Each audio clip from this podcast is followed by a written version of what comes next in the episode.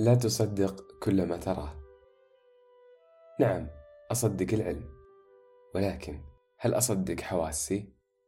هذه الجملة اللي ذكرتها كانت بسبب قراءات لي عن الضوء وسلوك الضوء.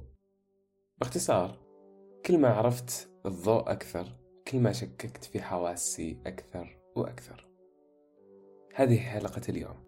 وأبدأ معكم أنا مشاري السحمان صوتا وأنس بن حسين نصا في بودكاست زمكاني الضوء هو شعاع كهرومغناطيسي. يأتي على عدة أطياف. يمكن ما نقدر نشوف معظم أطيافه. وهنا أول مشكلة تواجهني. إيه أشوف الضوء وأعتقد أن هذا الشعاع هو الضوء زي ما هو.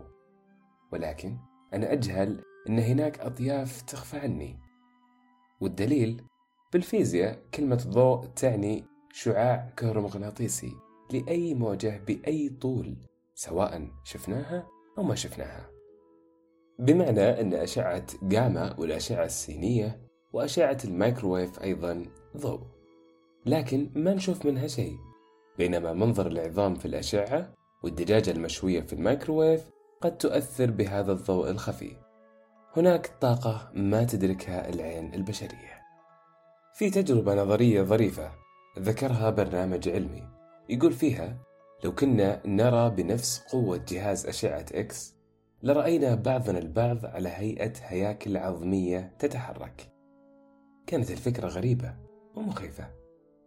يعني فعلا ماذا لو وصل العلم للقدرة في زرع شرائح في العين؟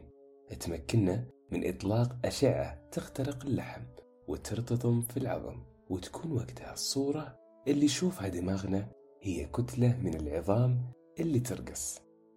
تقترب منك وتقفز إلى المسبح. كل التشكيل الاجتماعي راح يتغير. صناعة مستحضرات التجميل ستغلق فورا. ولن تبقى هناك موضة لقصات الشعر ولا لبراندات الملابس. سيخترع الإنسان وسيلة عظيمة جديدة ليتباهى بها على باقي البشر أو بالأصح باقي الهياكل العظمية حوله. أترك لكم الخيال في هالتجربة الغريبة.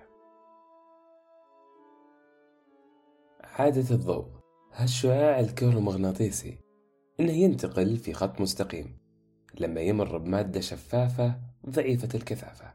لكن لما ينتقل من مادة شفافة المادة أكثر كثافة. يعني على سبيل المثال لو ينتقل من الهواء اللي هو قليل الكثافة إلى الماء الأكثر كثافة أو حتى من الزجاج إلى الهواء الأكثر كثافة فإنه ينتهي. وهذا ما يسميه الفيزيائيون انكسار الضوء. بالحديث عن انكسار الضوء يطيب الحديث عن الحسن بن الهيثم أو كما يسميه الغرب آل هايزن مكتشف ظاهرة انكسار الضوء. القراءة في إنجازات بن الهيثم تجعلك تشك أكثر في حواسك والبصر تحديدا. حيث كتب عن سبب ظهور القمر والشمس بشكل أكبر لما يقتربون من الأفق. وفند هذا الشرح بفرضيات أثبتها معمليا مما جعله يلقب بالأب الحقيقي لعلم البصريات. انكسار الضوء له جماليته رغم أنه وهم بصري انهيشه. يعني هل شفتوا من قبل ظاهرة الهالة الشمسية؟ أتمنى تبحثون عنها في جوجل. واستمتعوا بشكل الدائرة الشمسية اللي تضيء وكأنها احتفال بتساقط الثلوج. تحدث هذه الظاهرة في المناطق الباردة جدا مثل روسيا والقطب المتجمد الشمالي والجنوبي والدول الإسكندنافية.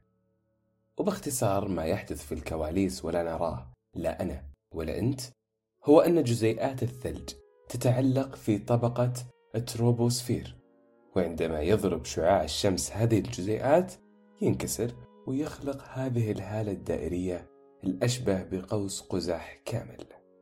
طيب أنت متصور معي أن حتى قوس قزح هو خداع بصري؟ هذا الخداع يشارك فيه الشمس والمطر والإنسان. لما يتساقط المطر أو بعد تساقطه وفي حالة أن الشمس في سقف السماء ينكسر الضوء بسبب هذه القطرات. وينقسم داخل هذه القطرة ليخرج على شكل موجات متفاوتة الألوان.